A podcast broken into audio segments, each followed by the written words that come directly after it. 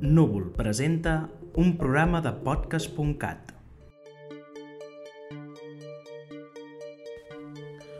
Hola, bon dia. Avui ens trobem aquí a les oficines de Penguin Random House per xerrar amb els escriptors i periodistes Tura Soler i Jordi Grau, que acaben de publicar el seu darrer llibre, Sense càstig.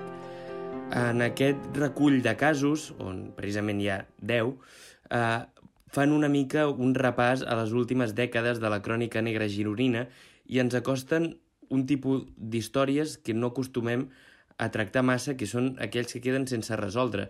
Són crims on judicialment no s'ha pogut demostrar qui era el culpable i, per tant, ningú està pagant les penes per aquests actes. Uh, jo sóc el periodista Guillermo Cabellos i el primer que us vull preguntar, molt bon dia, Tura i Jordi, és precisament quin sentiment us deixa a vosaltres com a periodistes, uh, després d'haver estat seguint durant setmanes o mesos els, els casos, que finalment no tinguin una resolució judicial en ferm, que al final la resposta final de, de qui ha sigut el culpable uh, no tingui una solució.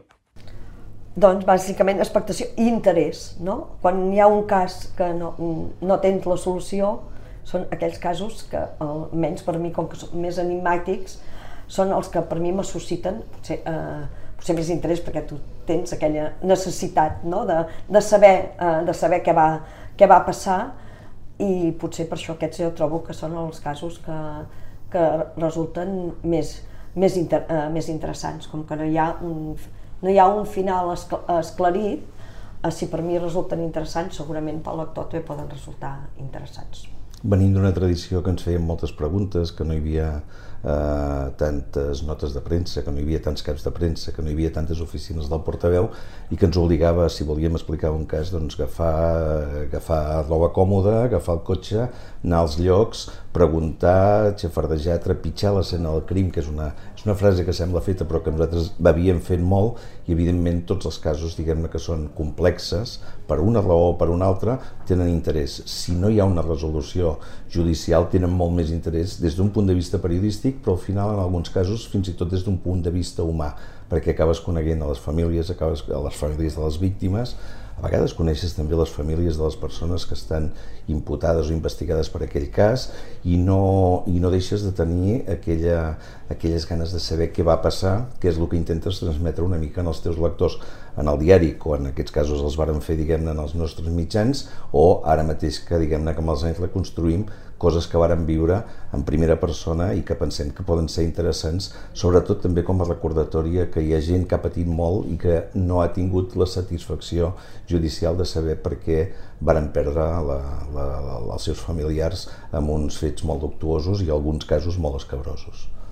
Uh, en algun capítol, ara no recordo un quin, uh, explicàveu que hi ha molts casos que no s'han tancat judicialment però que els uh, investigadors tenen molt clar qui ha estat eh, això que us genera a vosaltres de saber que, quasi, està, quasi està clar qui és, però falta alguna prova, falten eh, coses. Clar, aquí hi ha, hi ha un cas molt paradigmàtic, que és el cas de, de Jordi Bahí, un, empresa, un empresari que el van trobar assassinat a casa, a casa seva a Girona, i en aquest cas aquí els investigadors, la policia es va trobar amb la prova que és el regal que voldria qualsevol investigador, que és que l'assassí havia deixat les empremtes, però no una empremta, no, totes les, les de les dues mans, eh, els deu dits, eh, gravats en sang a una paret de, de la casa, gravats amb les...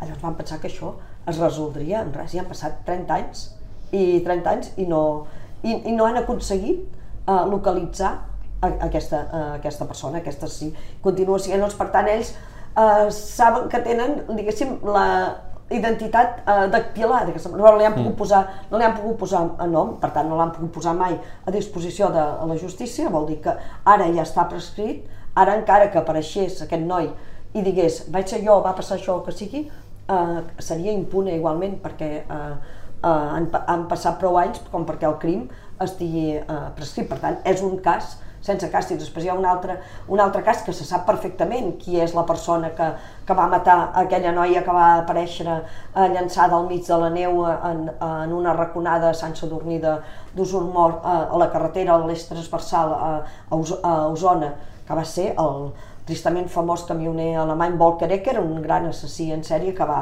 eh, que va amb omplir els vorals de les, de les carreteres d'Europa de, cadà, de cadàvers de, de noies va ser, uh, va ser ell, però en aquest cas no hi haurà mai una condemna judicial per la justícia humana perquè en Volkereker uh, un bon dia es va, va decidir uh, suïcidar-se a la presó on estava pendent de, de judici per totes aquestes morts que havia, que, que havia provocat. Doncs són uh, casos diversos, n'hi ha alguns, són casos que no, les morts no tindran, uh, no tindran un, un càstig, però n'hi ha alguns que sí que se coneix no? qui, va, qui va ser. Hi ha d'altres que no se sap. Jo crec que també hi ha alguns casos que els investigadors estan absolutament convençuts de qui va ser la mà executòria, però que, per exemple, no saben qui va ser la mà que va encarregar aquella execució.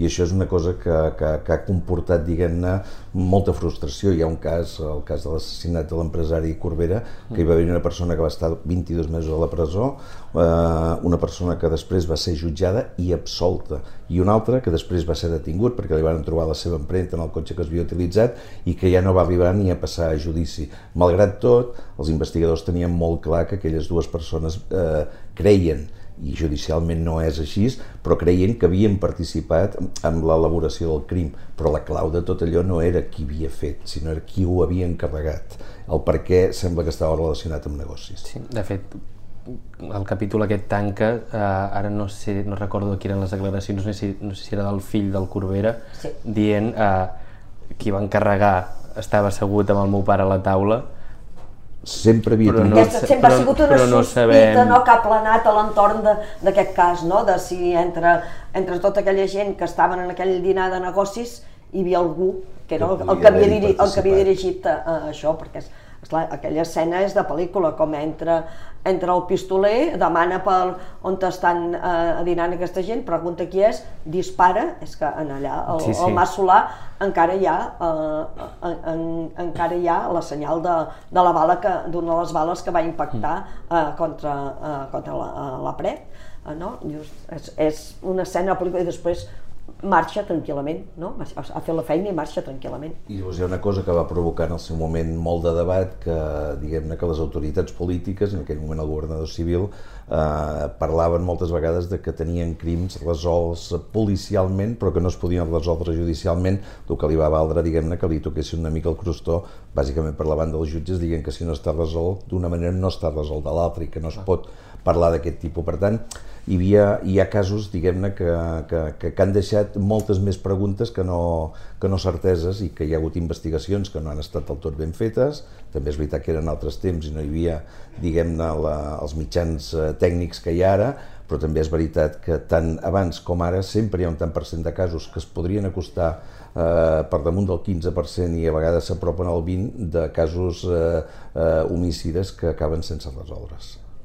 Eh, també us volia preguntar, eh, perquè surt molt el pròleg i es va entrellegint tota l'estona al llarg del llibre, què és l'ofici de periodista de successos, que és una cosa que tracteu des d'una vessant de, de fa 20-30 anys, on clarament es veu que era una cosa que ara ja, eh, per, per qüestions de, de que la justícia ha anat posant barreres, cada cop de, us heu d'allunyar més. Com era llavors i com és ara, això d'anar a trepitjar escena i, i implicar-s'hi més? Uh, és però radicalment, uh, radicalment diferent, tot i que ara en determinats espais potser també pots uh, trepitjar escena. Jo ara, per exemple, penso en, en Susqueda, com que Susqueda és una escena que no te'l poden uh, limitar, doncs jo hi he continuat trepitjant, trepitjant, trepitjant, i trepitjant-la molt uh, he acabat trobant uh, dades prou importants, personatges, testimonis, molt, eh, molt i molt important, però aquí perquè és una escena que evidentment no pots limitar tot, i, i perquè és una escena que encara ningú sap quina és la veritable escena del crim, doncs llavors en aquesta t'hi pots infiltrar. Però eh, fa, eh, fa 30 anys, quan nosaltres trepitjàvem aquests carrers, tu tenies via lliure per entrar per tot. Teníem via lliure, jo quan vaig conèixer en Jordi Grau, ell em va, de la seva mà una mica em va portar eh, per les comandàncies, per les oficines de, de les policies locals, per, per, les, comis, eh, per les comissaries, i tenies, tu entraves, eh, però amb tota la, lli la llibertat del món. Fins i tot alguna, eh, ens havien arribat a deixar veure, eh, deien, venim a veure si ha passat alguna cosa. Ah, bueno, mireu vosaltres mateixos els telefonemes la nit, si hi ha, si hi ha alguna cosa que us interessa, vosalt, eh, vosaltres mateixos Ara, avui en dia, si no tens hora demanada, eh, que sàpigues que primer t'acompanya el portaveu eh, del que toqui, eh, que has d'anar, que has de passar les preguntes abans per escrit, com qui, qui digui, és molt i molt difícil accedir a una persona que porti direct, directament una investigació. Però abans això era eh, així, jo recordo una, una anècdota d'un dia que vam descobrir que hi havia hagut un, un atracament eh, eh, molt violent a una persona que anava a ingressar, un empresari que anava a ingressar els diners i me'n vaig anar corrents a, a, a la comissaria. I vaig veure un home que em va semblar que seria que podia ser la víctima i vaig entrar, vaig, preguntar, uh, vaig preguntar, ell estava allà esperant, vaig preguntar i em va dir, sí, sí, escolta, no faria res d'explicar-m'ho, i m'ho va, estar, va estar explicant tot. Llavors va aparèixer l'inspector de policia, que li havia de... i me diu, bueno, pues, uh, muy bien, pues cuando la señorita acabe con su interrogatorio, vamos a proceder nosotros. Saps? Diu, això ara és, uh, és impossible, no? Ara és, uh, és impensable.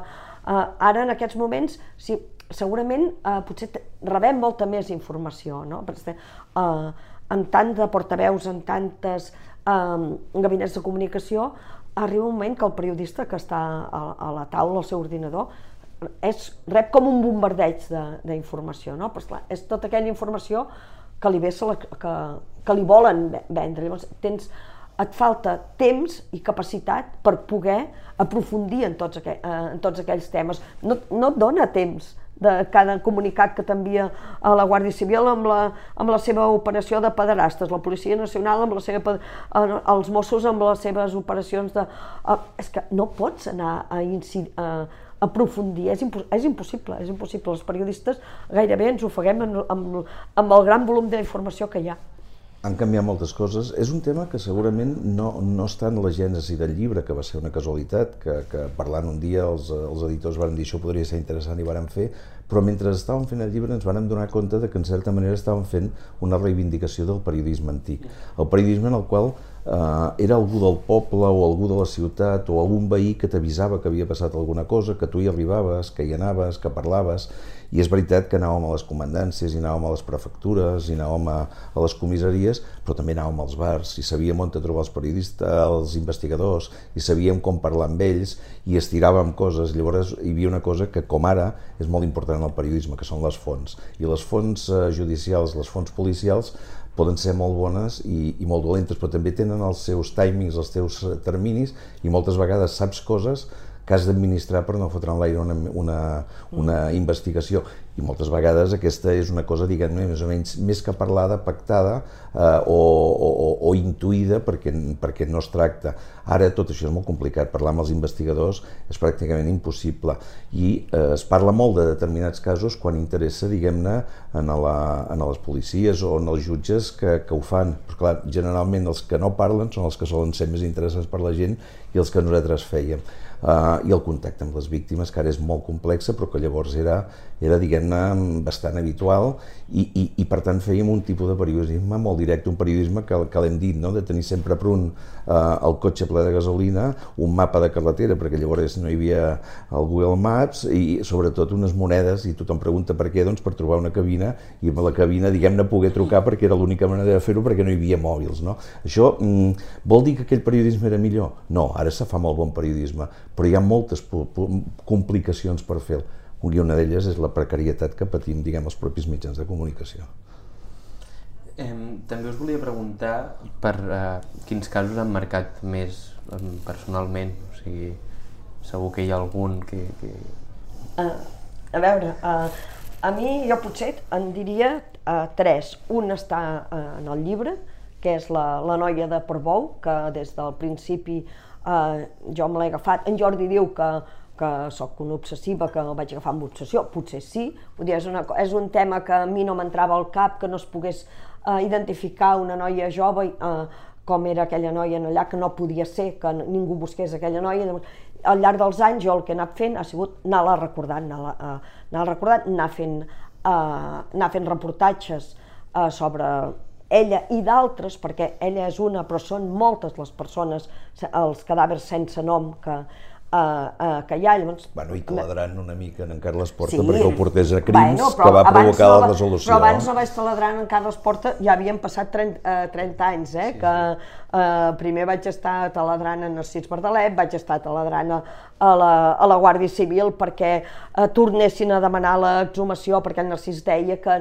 no era totalment impossible que el cos d'aquella noia l'haguessin eh, posat a la fossa comuna sense haver demanat permís al, jutjat, cosa que al final es va demostrar que efectivament sí que ho havien fet eh, passant-se pel, pel forro totes les eh, normes judicials a, a aquell prei d'operaris de, del cementiri de Figueres, que si, si no és que fossin morts és que n'hi hauria per matar-los, literalment, eh, eh, és, és així, eh, doncs fins que llavors va arribar un moment que sí, que també llavors li vaig estar ladrant en Carles Porta i que al final en Carles Porta em va dir però, però no és un cri, uh, no és exactament com, però va, va, però que uh, aquest tema és molt enigmàtic, és molt misteriós, que no sé què, i al final uh, el vaig convèncer i es va fer un crims i mira, va ser a partir del crims una mica doncs, la meva tossuderia, la d'en Carles Porta i al final la gran sort de que aquella senyora de, uh, de, italiana que aquell dia que s'emetia a la televisió d'Àustria estava ella a Viena i la va, veure, la, la va veure i la va identificar, que és una cosa inaudit perquè uh, aquella senyora no la coneixia de res i recordava la imatge de les fotos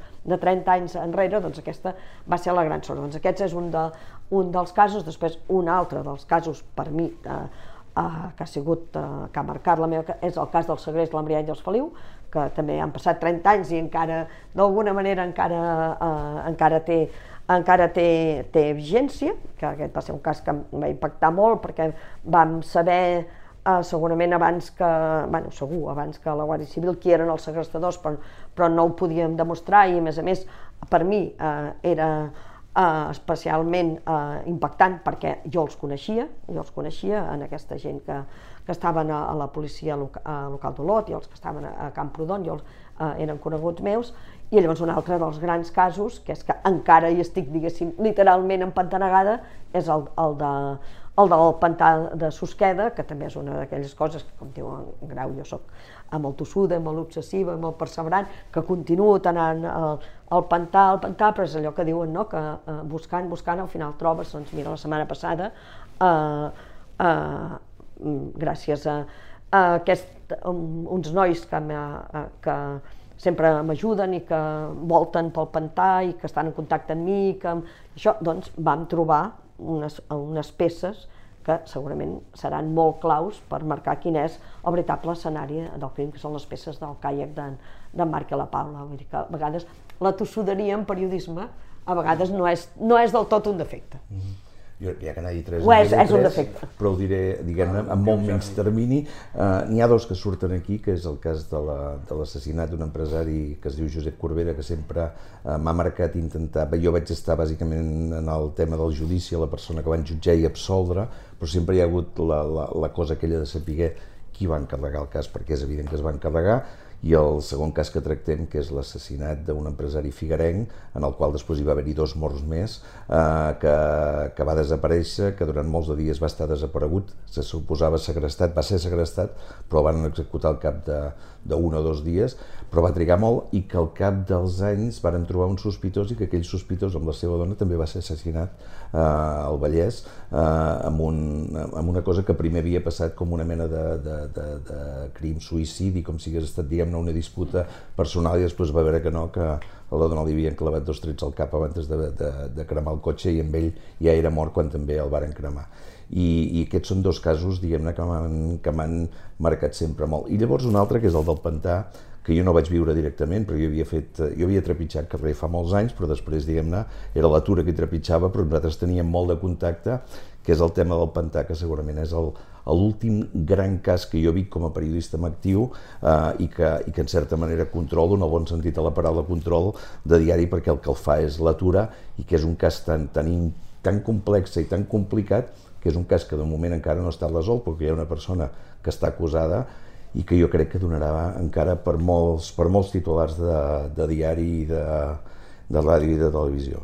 N'hi ha d'altres, eh? N'hi ha, ha, ha ha molts d'altres, eh? De cas, perquè aquí imaginar. nosaltres hem triat aquests, Però ha en 70 podíem haver triat, eh, vull dir, perquè van haver de tancar i van dir, sí, mira, anem, eh, potser els que ens eren més, potser més, més pràctics o més recordats, però és que realment després quan eh, miraves el llistat i dius, és que aquest també li podíem haver posat, aquest també, aquest, eh, aquest també, perquè no els podies posar tots, però donaria per fer el sense càstig 2, sense càstig 3, perquè realment hi ha ca- i casos que, que t'han impactat i que has conegut la gent, tam, eh, que també n'hi ha, eh, en podríem dir molts més. I el que Eh? és molt important és que són casos que passen molt propers en el territori i que dona, dona la impressió, perquè no, no, no és important el lloc que passin, perquè diguem-ne ens afecten que tot i passen a per tot i com diu, i una de les coses que diu el Forense Bardalet, que recollim crec que en el pròleg, és que les grans barbaritats les fan persones ap- aparentment normals. Cert. Em, això és una precisió meva, però llegint eh, els diferents capítols he tingut la sensació que literàriament són com un camí que acaba en barranc. O sigui, que vas llegint, et van portant, o sigui, aneu portant pel camí, I tu te penses que arribaràs clar, a un lloc i, de dius, cop ai, estic al precipici. Talla, s'acaba el capítol i et quedes amb, amb, amb l'ànsia de ja, i, però qui ha sigut, qui ha estat... Uh, entenc que això, uh, quan llegeixes qualsevol cosa, tot té un, un, inici, un inici i un final, quan et trobes amb... Uh, Sí. Té un inici, té un recorregut, tens uns indicis de cap on anirà, però s'acaba, uh, el lector el fot molt, us he de Fot, dir, fot, sí, fo- el sí. fot molt, perquè Sí. diu, voldria saber com acaba Sí, això. a nosaltres també ens fot, a, a la, als investigadors també els hi fot, però és la, la trista realitat, al fi al cap una mica el que estem fent en aquí, mm, estem fent una mica eh, d'història. Sí, sí, Jo sempre sí. dic que, el, clar, que el, la crònica negra, les nostres cròniques, acabaran siguent la base de, dels historiadors de, dels historiadors del futur i una mica aquí l'avantatge que tenim nosaltres és que eh, no hem hagut d'anar a la hemeroteca. Nosaltres com que ja som eh, eh, una mica eh, veterans per no dir vells vol dir que hi podem aportar la, la memòria. I com que nosaltres hem estat en aquell moment històric i podem, eh, podem aportar-hi una mica un plus, aquest plus de contextualització i que vam, eh, perquè al final acabes, eh, en cada història el que estàs fent és estàs retratant una mica no? Quin, el, la societat en què es va produir aquell crim i explicant una història d'una mort, estàs explicant la vida, estàs explicant la vida d'aquell eh, d'aquell moment, de, eh, de la societat d'aquell moment, que no té res que veure eh, en el moment que es produeix el crim de, de, de l'empresari del rei de les pinyes a, a Santa Coloma, doncs en el, el moment que, que es produeix eh, un dels crims que va, eh, que va passar l'any eh, passat, que segurament no té, no té res que veure la societat d'aquell moment, era molt diferent de la- de la- l'actual, no, no té res que veure amb el crim de, de, Sus, eh, de Susqueda, per exemple, no? és, és un altre moment històric, és, són uns altres personatges, una altra societat.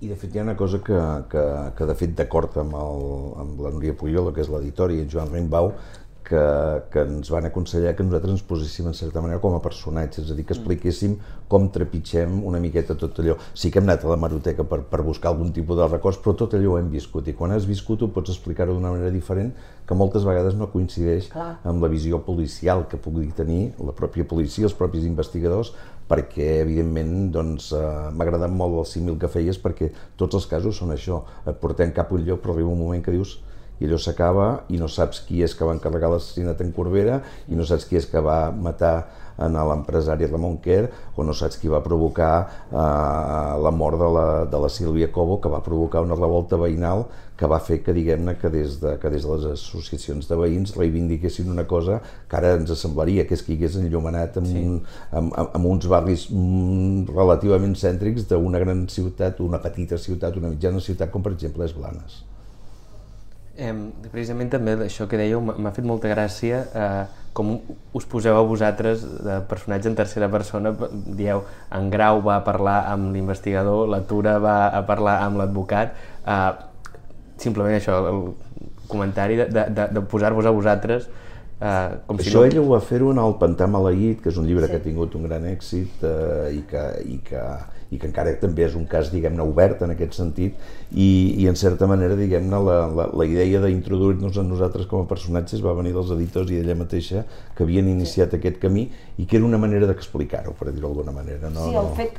Per, uh, no sé, jo amb el, amb el pantà maleït, el fet de posar-m'hi a mi, eh, m'ajudava una mica per explicar tot allò que jo anava descobrint, que d'alguna altra manera no sabia, no, no hagués sabut com, com relatar-ho, i també era una mica, si jo em posava eh, eh, com a personatge i parlava en tercera persona, això em permetia doncs, posar-me com volia en la meva pell i com volia en la pell d'un altre personatge i així en la trama doncs tot tenia, eh, tenia la, mateixa, la mateixa continuïtat i jo, a part, eh, també per una part de modèstia, no, eh, no em volia posar per sobre dels altres, eh, dels altres personatges. I llavors aquí també ens va semblar que era oportú, perquè és clar, eh, aquí el llibre està fet a, a quatre mans. Eh, llavors, eh, com havien de parlar en primera persona? Ara parlo jo, ara parla eh, en Jordi, doncs no, doncs nosaltres, si són personatges, i com que eh, nosaltres apareixem en aquell moment que, que creiem que la trama té, una, té interès la nostra, la nostra intervenció. No? Eh, eh, això que et deia, que nosaltres hi podem portar un plus, perquè en totes les cròniques que s'ha explicat eh, mai s'explicava el per què es va descobrir que a la, en Josep Garriga i l'Hisenda d'Abril no, havien, uh, no havien mort uh, per suïcidi, sinó que havien estat assassinats. Això en realitat va ser uh, el, el que expliquem aquí, aquella escena que es produeix en, uh, en allà al diari quan nosaltres, per la, uh, per la nostra intuïció, quan vam veure el, el teletip de l'agència F, que deien que hi havia hagut una parella que s'havia suïcidat, que l'havien trobat calcinada dins un cotxe a Vallgorguina, uh, jo vaig detectar que el nom corresponia al sospitós del crim de Figueres, i vaig pensar que això no podia ser, que era molt estrany que a, a se suïcidés l'home que estaven investigant per allò. I a, va donar la casualitat, veus, a vegades aquelles coses són casualitats, que aquell dia va entrar a la redacció en Narcís Verdalet amb dues forenses eh, més que venien allà i jo li vaig dir, Narcís, mira't això, mira't això, mira què estan dient, no pot ser, no pot ser. I en Narcís Verdalet, que també eh, de viu i llarg, és un, una estona, eh, va agafar, va trucar al forense del partit de, de Granollers i els hi va dir, us ho heu mirat bé això? I va dir, sí, sí tal. mireu-s'ho bé perquè sabeu que era el sospit... I van fer una segona autòpsia aquella mateixa nit i llavors es va descobrir que hi havia trets de bala al, al cap. Vull dir, esclar, això, uh, això no està explicat a les cròniques dels diaris. Les cròniques del, dels diaris es diu que es descobreixen que aquesta gent ha estat... Però en realitat va ser gràcies a la intervenció aquesta que vam estar nosaltres en allà. Si no els va donar aquesta casualitat, aquesta casualitat segurament els, hagués, els, els haguessin enterrat com dues persones que s'havien suïcidat. I això també ens permet a aquesta tercera persona explicar coses que diguem-ne que, que, que sobrepesaven fins i tot una miqueta la feina de periodista, la implicació que hi havia en els casos, aquesta mateixa, és a dir, esclar, quan nosaltres fèiem informació d'aquest tipus, no dèiem, nosaltres li hem dit al forense que truqués en aquell, que és un cas claríssim, però per exemple hi ha, hi ha, hi ha algun cas en el que jo, eh, amb una persona que estava acusada d'assassinat, eh, li recomano l'advocat que ha d'agafar, per exemple, coses així, que, la, el, cas de la, el cas de la Remei Soler, que era sí. la persona que va morir, que havien, varen detenir, que va passar a la presó 5 mesos, la Maria Vinyoles, que es va intentar suïcidar i que va ser un, va durar aquells 5 mesos i després el fiscal va decidir ni tan sols acusar, per tant no és que la jutgessin o l'absolgués, que no la varen arribar ni a acusar, però va estar 5 mesos a la presó. Hi ha casos d'aquells que, que allò Potser que feien... és un crim sense càstig per culpa teva. Eh, no necessàriament, perquè segurament si, si haguessin trobat eh, les coses que permetien, diguem-ne, portar algú eh, a judici i condenar-lo, ho haguéssim fet, però el que no farem ara serà apuntar-nos a nosaltres les mancances de les investigacions que també hi va haver-hi en el seu moment. Bueno, però vull dir que en aquell era moment... per posar-hi una mica... El, el, el fet de fer aquest tipus de coses i de conèixer la gent i de parlar no només amb, amb les víctimes, amb la, amb la família de les víctimes, sinó també, diguem-ne, amb la família i les persones que en el seu moment podien estar acusades i, i tenies una participació, que això està molt bé des d'un punt de vista periodístic, però que llavors també has de saber eh, posar-hi un punt de distància.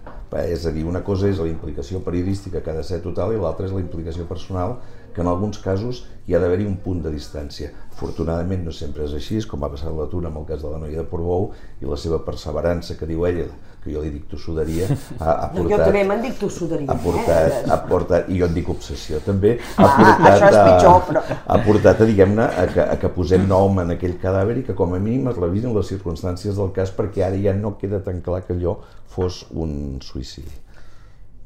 Ja per anar acabant, eh, m'agradaria que em parléssim una mica d'aquest auge del true crime que s'ha vist, amb, evidentment, amb crims, eh, que també es veu amb la publicació de llibres com aquest, de llibres com el del Porta de l'any passat, eh, com ho veieu, com Catalunya necessita crims per ser un, allò un país com, com de veritat o... Una mica perillós això, eh? perquè realment la gent, aquí sí que la gent sembla que s'ha com obsessionat no? a consumir uh, uh, aquests productes, que està molt bé.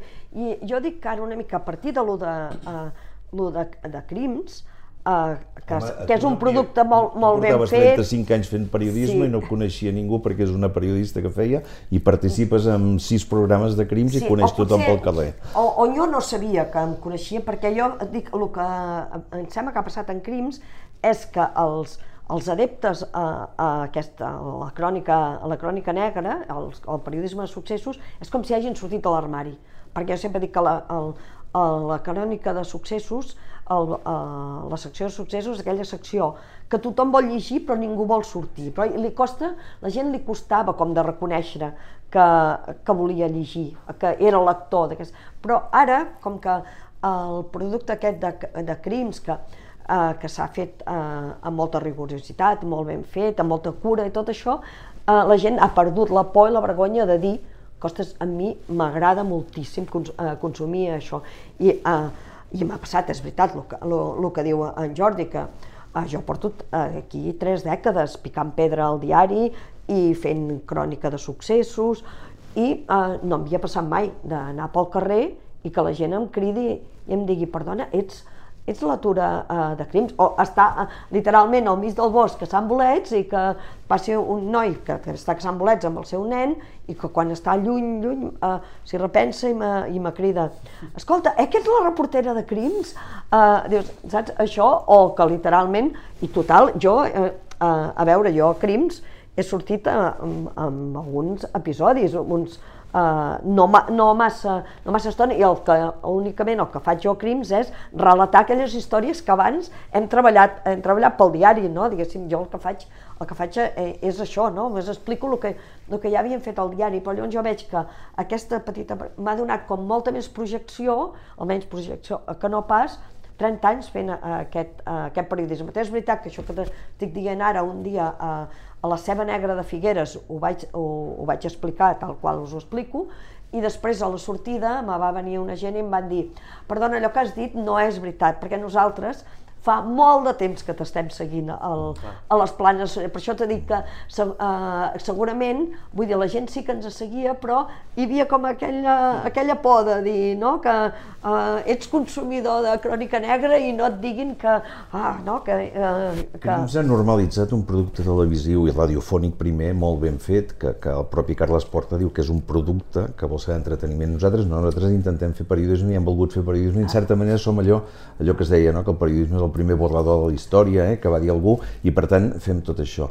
Eh, el que sí que és veritat és que ara, diguem-ne, mm, s'ha perdut una mica la vergonya dir que veus crims, perquè mires les audiències i ho veus, però hi havia hagut el diari El Casso en època de la dictadura eh, i, i nosaltres que, que, que hem treballat bàsicament diguem en, en, producte de paper, en premsa escrita, sabíem que un cas eh, interessant de successos te multiplicava, en aquell moment que es venien diaris en els quioscos, en multiplicava, en multiplicava les vendes. Per tant, la gent ja ha consumit sempre. El que passa que hi havia com una certa vergonya sí. de reconèixer i ara la sensació és de dir que bé, que això s'ha perdut. Hi ha gent que te'n parlarà molt malament de, de tot aquest tipus de temes i hi ha molta gent que bé, és a dir, com parlen malament d'això, com poden parlar malament de temes culturals, eh? perquè la gent està molt acostumada a parlar malament i a criticar tot el que fan els altres. Nosaltres eh, pensem que la feina s'ha de fer bé, és un tema que toca a les persones i per tant és molt vigorós, eh, la línia és molt fina, eh, tothom, tothom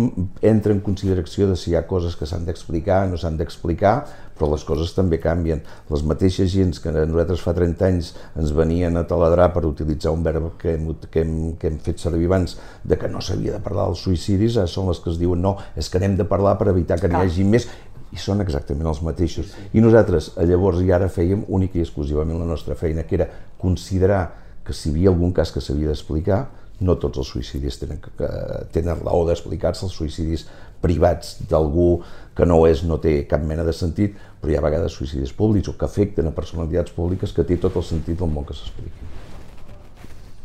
Doncs amb això jo crec que ja hem parlat més Sí? o menys. Bueno, no sé si... No sé si t'hauran servit... Sí, no sé si us haurà quedat alguna cosa per explicar del llibre que vulgueu... Ai, no sé, no, a la gent que el llegeixi. Bueno, no, això- això- I el, pròleg, el pròleg que s'explica una mica les tribulacions de d'aquesta prella de l'Espanya prella de periodistes de successos que No, de fet, em vaig marcar el pròleg, que tinc per aquí, que em va fer molta gràcia. Potser no, no ho vaig subratllar, i ara potser faig el ridícul, però... no. Eh, sí, ho vaig subratllar.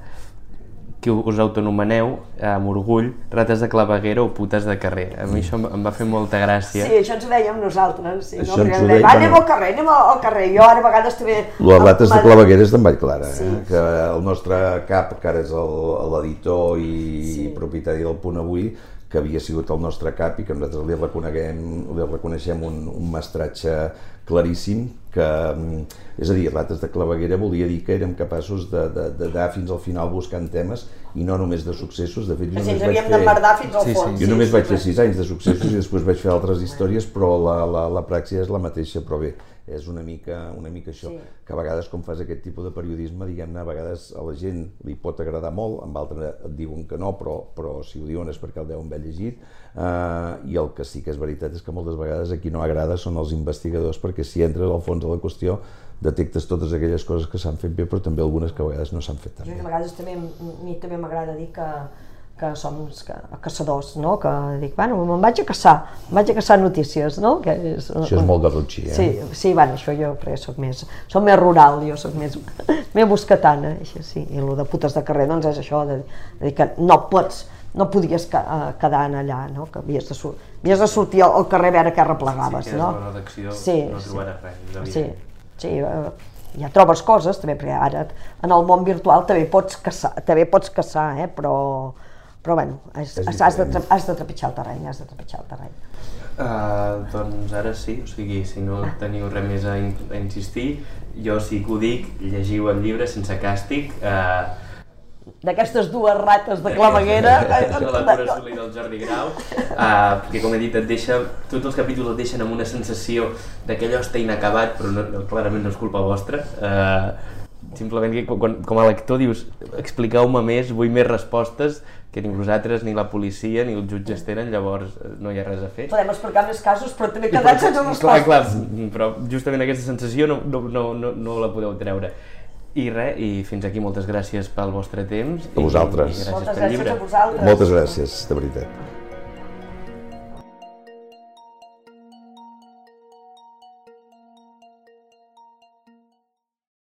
Aquest programa està disponible a podcast.cat, una plataforma de núvol.